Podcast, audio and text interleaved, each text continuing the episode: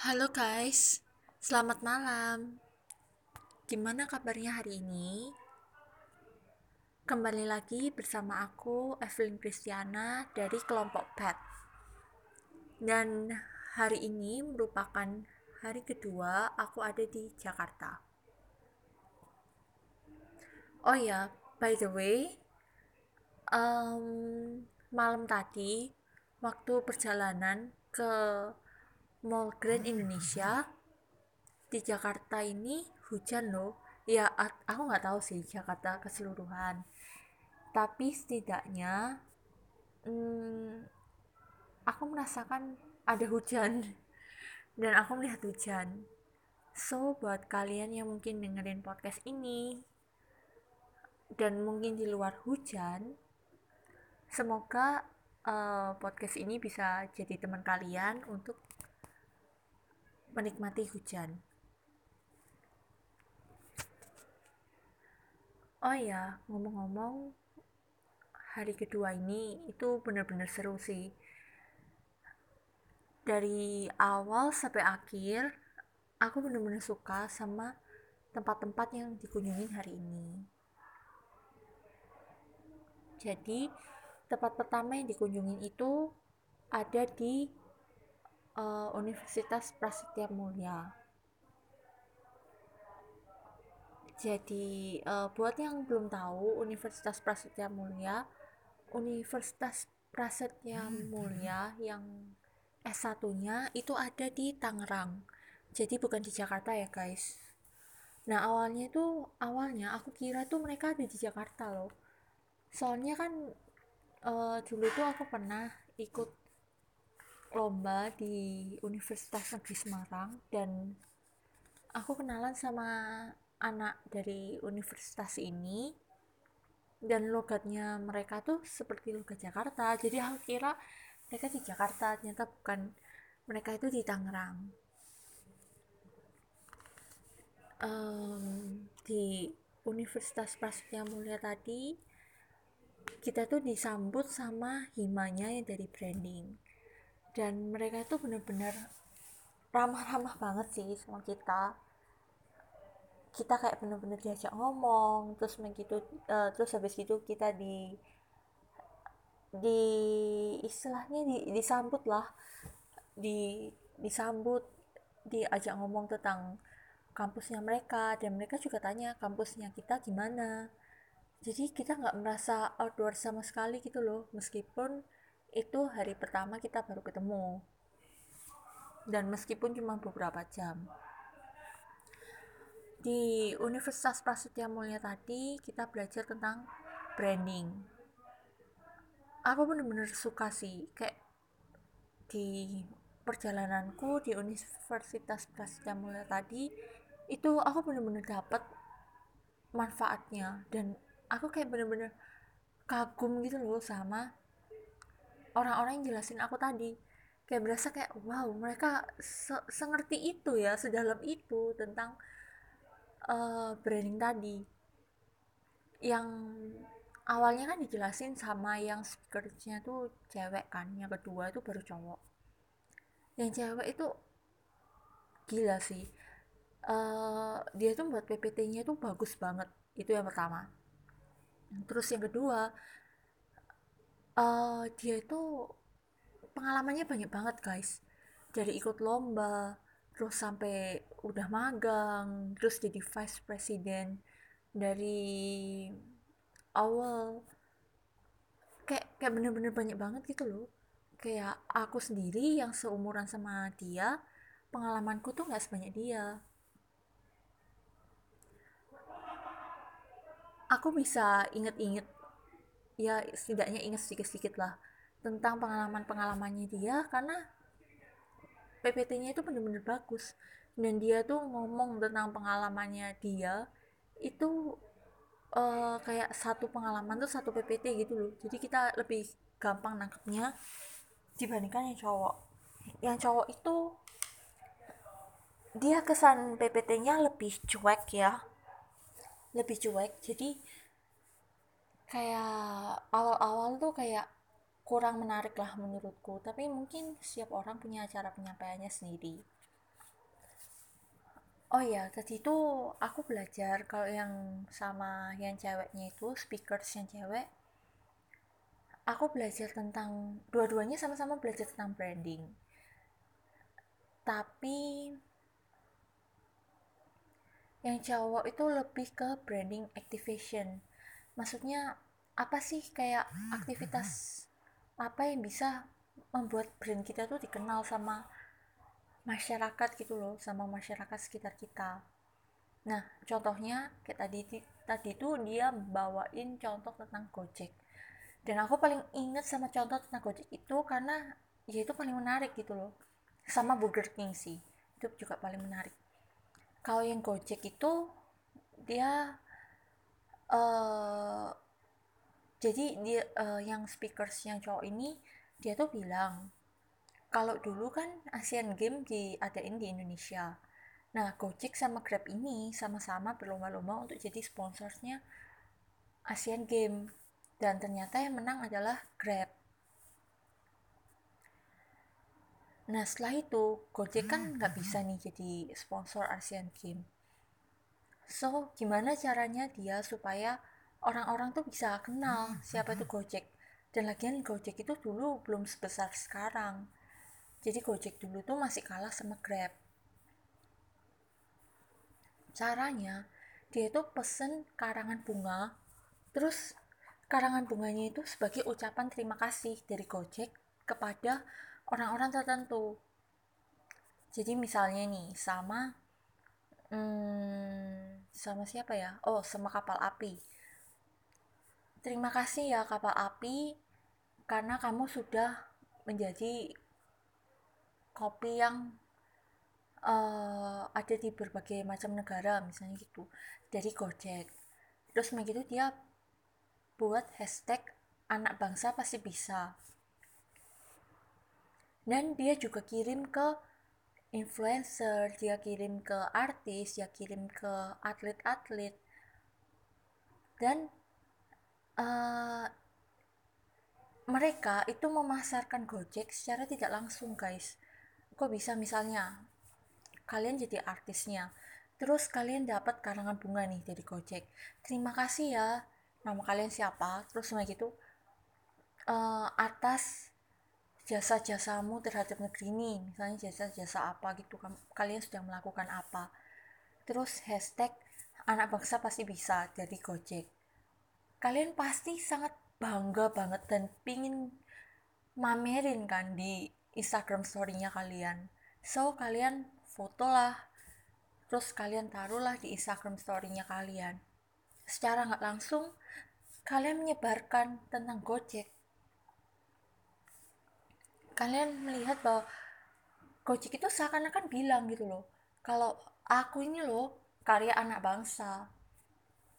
Aku ini karya anak bangsa yang apa dan aku tuh bangga jadi karya anak bangsa. Dan aku juga terima kasih gitu loh sama kalian yang juga sudah melakukan yang terbaik untuk bangsa ini. Selain itu selain dia ngasih karangan bunga ke orang-orang Gojek itu di aplikasinya juga membuat uh, fitur dulu sih. Ya bukan fitur sih kayak gimana ya? Kayak kayak karangan bunga kosong gitu. Kalau kalian klik nanti dia tuh bisa membuat karangan bunga sendiri. Ya misalnya untuk aku ya Evelyn. Dia buat kayak gini. Um, misalnya kayak kayak aku mau buat karangan bunga untuk diriku sendiri. Kayak gini terima kasih ya Evelyn Kristiana atas um, karena kamu bangsa ini sudah uh, memiliki pelajar yang niat untuk belajar misalnya kayak gitu dari Gojek. Dan setelah aku buat itu aku bangga dong. Terus aku pamerin di IG storyku atau mungkin aku buat untuk temenku terus temenku bangga dan dia pamerin di IG storynya kan secara nggak langsung itu memasarkan Gojek. Dan itu terbukti guys. Terbukti kalau uh, caranya dia brand activationnya dia itu benar-benar berhasil. Dan Gojek itu jadi lebih terkenal semenjak itu. Yang contoh kedua. Contoh sebenarnya ada beberapa contoh tapi cuman yang paling berkesan buat aku Gojek dan Burger King sih. Burger King itu dia kan perang tuh sama McD lalu dia buat aplikasi. Dan dia buat iklan. Intinya dia nyuruh orang-orang buat download aplikasi Burger King. Lalu uh, kayak gimana ya? Uh, pakai kamera terus uh, taruh di depan handphonemu tuh fotoin di depan iklannya McD bukan foto ya gimana ya? Kayak uh, um, kalian ngerti kan maksudku? Maksudnya kameranya itu taruh di depannya iklan McD gitu loh tapi nggak nggak foto juga. Dan tiba-tiba iklan McD itu bisa terbakar gitu loh dari kameranya kalian kayak ada efeknya terbakar dan ganti jadi iklannya Burger King nah setelah itu setelah kalian melakukan itu kalian akan pergi ke Burger King dan dapat burger gratis. Dan itu benar-benar berhasil juga kampanyenya itu campaignnya itu. Buktinya orang-orang tuh banyak yang download aplikasinya Burger King dan banyak yang masarin di IG story-nya di sosial medianya mereka. Nggak mesti harus Instagram. Nah itu contoh sih dari brand-brand yang berhasil tadi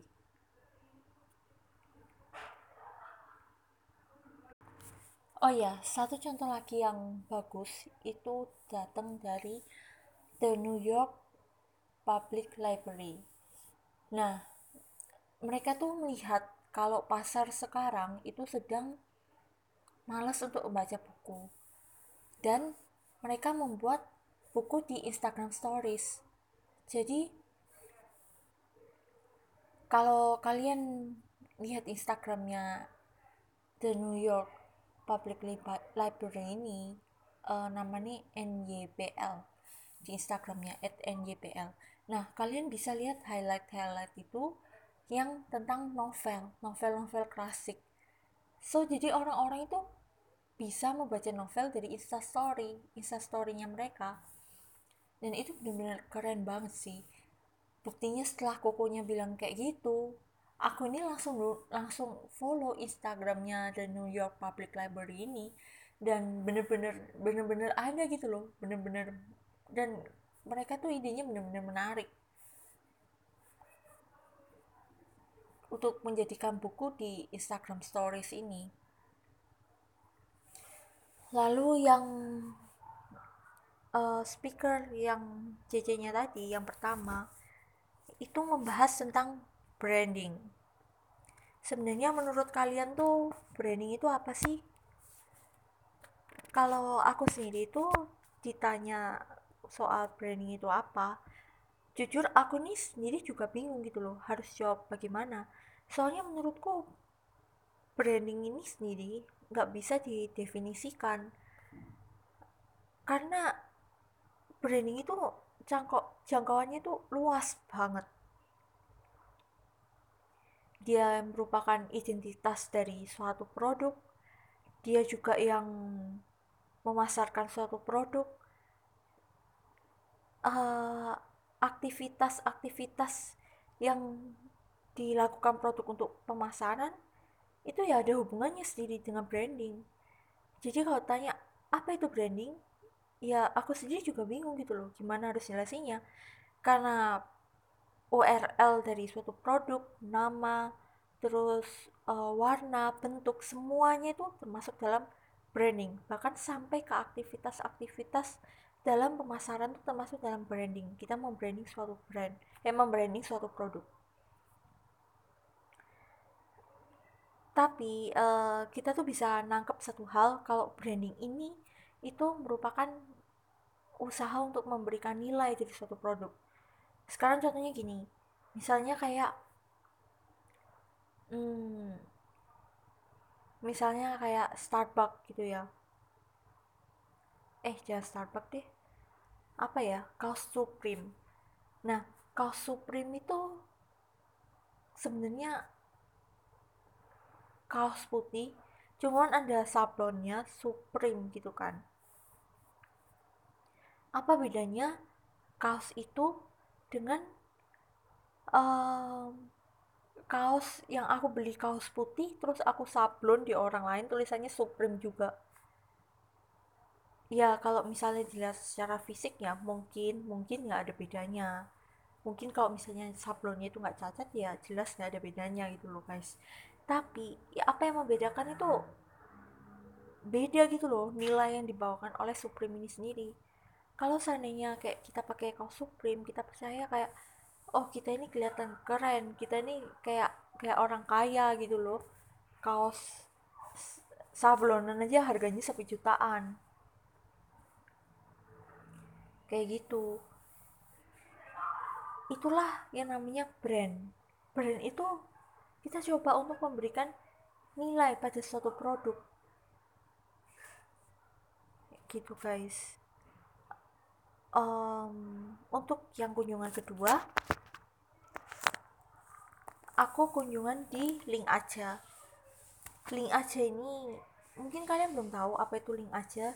Jadi link aja ini merupakan rebrand dari Tikes. Mungkin kalian sudah pernah kenal sama Tikes. Aku dulu juga pernah denger sih soal Tikes. Dan aku dulu pernah coba pakai Tikes. Sebenarnya bukan aku sih tapi mama aku. Karena dulu aku masih kecil ketika kita mau beli chat time jadi dulu Tikes tuh pernah mengadakan um, diskon untuk buat beli chat chat time. Jadi kalau misalnya kita beli chat time pakai Tikes kita dapat diskon gitulah intinya dan buat yang belum tahu, Tikes ini ternyata sudah ada dari tahun 2007. Tapi sekarang di rebrand kembali menjadi link aja. Dan link aja ini baru ada baru sih uh, akhir-akhir 2019 nih. Jadi ya ya sangat baru sih. Bukan baru lagi tapi sangat baru. Um, kenapa sih kalau kita harus kenapa sih perusahaan memilih untuk rebrand tiket dari yang sudah lumayan dikenal sama orang kenapa kok nggak bukan promosinya aja yang ditingkatkan? Kenapa kok harus rebrand jadi link aja? Sebenarnya itu pertanyaan bagus sih. Tadi itu waktu di perusahaan itu aku mau nanya ini tuh cuman sudah terlanjur diambil semua orang pertanyaannya ya sudah deh yang penting aku dapat jawabannya dan aku tahu gitu alasannya. Karena katanya sih karena link aja ini beda kayak OVO atau GoPay atau mungkin Dana. Link aja melalui link aja ini kita bisa membayar segala sesuatu. Bisa membayar kimia farma kita bisa membayar gojek kita bisa membayar grab. Kita bakal bisa transfer uang di bank. Pokoknya melalui link aja ini link aja ini jadi penghubung gitu loh. Apa yang nggak OVO sama GoPay sama Dana yang nggak bisa itu link aja bisa. Dan untuk informasi kalian aja sebenarnya link aja ini merupakan perusahaan yang disupport oleh BUMN punyanya BUMN dan kenapa kok uh, eh, BUMN itu membuat produk link aja atau dompet dompet yang maksudnya yang digital lah yang uh, bukan bukan apa ya bukan dompet yang fisik ya tapi tempat kita menaruh uang digital dan kita bisa uh, ngambil uang itu dengan lebih mudah itu karena alasannya karena negara-negara lain tuh sudah punya. Misalnya kayak OVO OVO kan dari negara luar. Dan GoPay itu dari ya memang sih itu dari Indonesia. Cuman dia uh, investasi dari bangsa luar. Eh bangsa luar. Uh, maksudnya negara luar. Nah sedangkan Indonesia sendiri ini nggak ada yang benar-benar murni punya Indonesia. Makanya uh, dibentuklah link aja sebenarnya menurutku sih itu sih uh, competitive advantage yang dimiliki oleh link aja. Jadi seharusnya link aja itu memasarkan produk mereka yang bilang kalau aku ini belum berbeda sama yang lain. Kalau kalian memang nasionalis dan kalian memang benar-benar cinta sama produk dalam negeri aku ini loh perusahaan BUMN aku ini benar-benar murni produk anak negeri. Itu yang jadi kekuatan utamanya dia. Dan mungkin ya bisa jadi masukan juga bukan buat buat yang link perusahaan link aja. Jadi mungkin dia bisa lebih menonjolkan itu karena itulah yang nggak dimiliki sama uh, GoPay sama OVO. Gitu cuman tadi di link aja aku seneng banget sih karena tadi aku jawab pertanyaan akhirnya uh, kakak yang presentasi itu kasih aku hadiah berupa saldo link aja 50 ribu. Oke terima kasih ya kak. Aduh seneng banget. Yang terakhir aku pergi ke future theme park. I don't know how to pronounce it ya mungkin seperti itu cara pronounce-nya. Dan di situ tuh keren banget guys. Kalian harus banget mampir di situ. Oh ya letaknya itu di Mall Gandaria City. Nah jadi uh, dia tuh ngambil konsep taman masa depan gitulah. Taman bertema masa depan. Jadi di sana itu intinya ya cuman sebenarnya tuh kayak cuman tembok-tembok gitu aja sih nggak nggak ada game-gamenya di dalam. Cuman di dalam sana kayak ada banyak sekali lampu-lampu. Terus uh, ada misalnya kayak pertama kali kita masuk kita tuh bakal disambut sama binatang-binatang. Tapi binatangnya ini bukan binatang asli. Binatangnya ini binatang virtual. Jadi uh, binatangnya ini kayak warnanya warna-warni gitu. Misalnya kayak macan dia warna-warni. Terus kayak disorot di di tembok gitu loh. Jadi kita bisa lihat oh ada macan ada badak ada gajah dan binatang-binatang lainnya gitu. Dan itu kayak bagus banget. Setiap kali kita megang binatangnya itu terus kita ngelus-ngelus bulunya dia itu bakal rontok. Jadi bulu-bulunya mereka ini dari bunga-bunga lalu yang kedua itu um, sama kayak yang pertama tapi kita bisa gambar. Dan gambarnya ini bunga. Jadi kayak yang uh, gambar yang ada di temboknya itu kayak bunga-bunga bunga mekar gitu. Itu kayak bagus bagus banget sih. Tapi yang paling aku suka itu hmm, yang paling aku suka itu yang ketiga. Jadi ketiga itu kayak di langit-langitnya itu ada kayak bola-bola gitu gantung terus di bawah itu kayak ada bola-bola kayak berserakan bola-bola besar dan dia tuh bisa nyala-nyala gitu. Terus kita bisa foto-foto di situ kayak kayak bagus banget sih. Nah yang ketiga itu eh yang keempat itu sama kayak yang kedua cuman bedanya dia bukan bunga tapi dia ikan. Iya ikan ya kayaknya. Iya ikan oh iya bukan bunga dan reptil. Jadi yang kedua itu ada reptilnya juga. Jadi nggak harus bunga. Kalau buat kalian yang nggak suka bunga mungkin kalian bisa gambar reptil.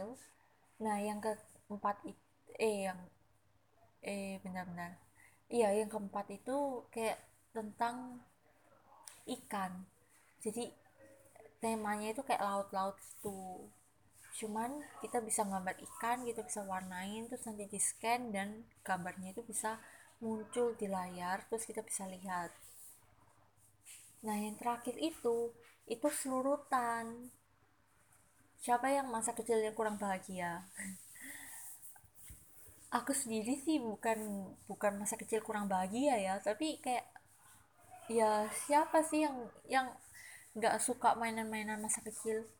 Kayak mengingatkan membawa kita nostalgia terhadap masa kecil kita masa-masa yang masih bahagia yang belum banyak tugas belum banyak tanggung jawab ya kan? Dan yang di terakhir itu kita selurutan tapi kayak kayak licin banget gitu loh. Jadi kayak selurutan itu bener-bener selurutan kita kayak bener-bener meluncur gitu. Sampai di bawah. Kayak wih pokoknya keren banget sih di di tempat itu. Kalian harus ngunjungin tempat itu. Harus banget ngunjungin buat rekomendasi kalian kalau ke Jakarta. Lalu yang terakhir itu aku pergi ke Grand Indonesia. Grand Indonesia itu kalau orang Jakarta bilang itu kayak mallnya anak Jakarta banget sih. Nunjukin identitasnya dari Jakarta. So itu perjalanan aku hari ini. Semoga kalian enjoy mendengarkan ocehanku ini uh, sebenarnya kayak podcast ini kayak kayak buku diary aja sih. Ya udah gitu aja. Oke okay, bye semuanya. Selamat istirahat dan see you tomorrow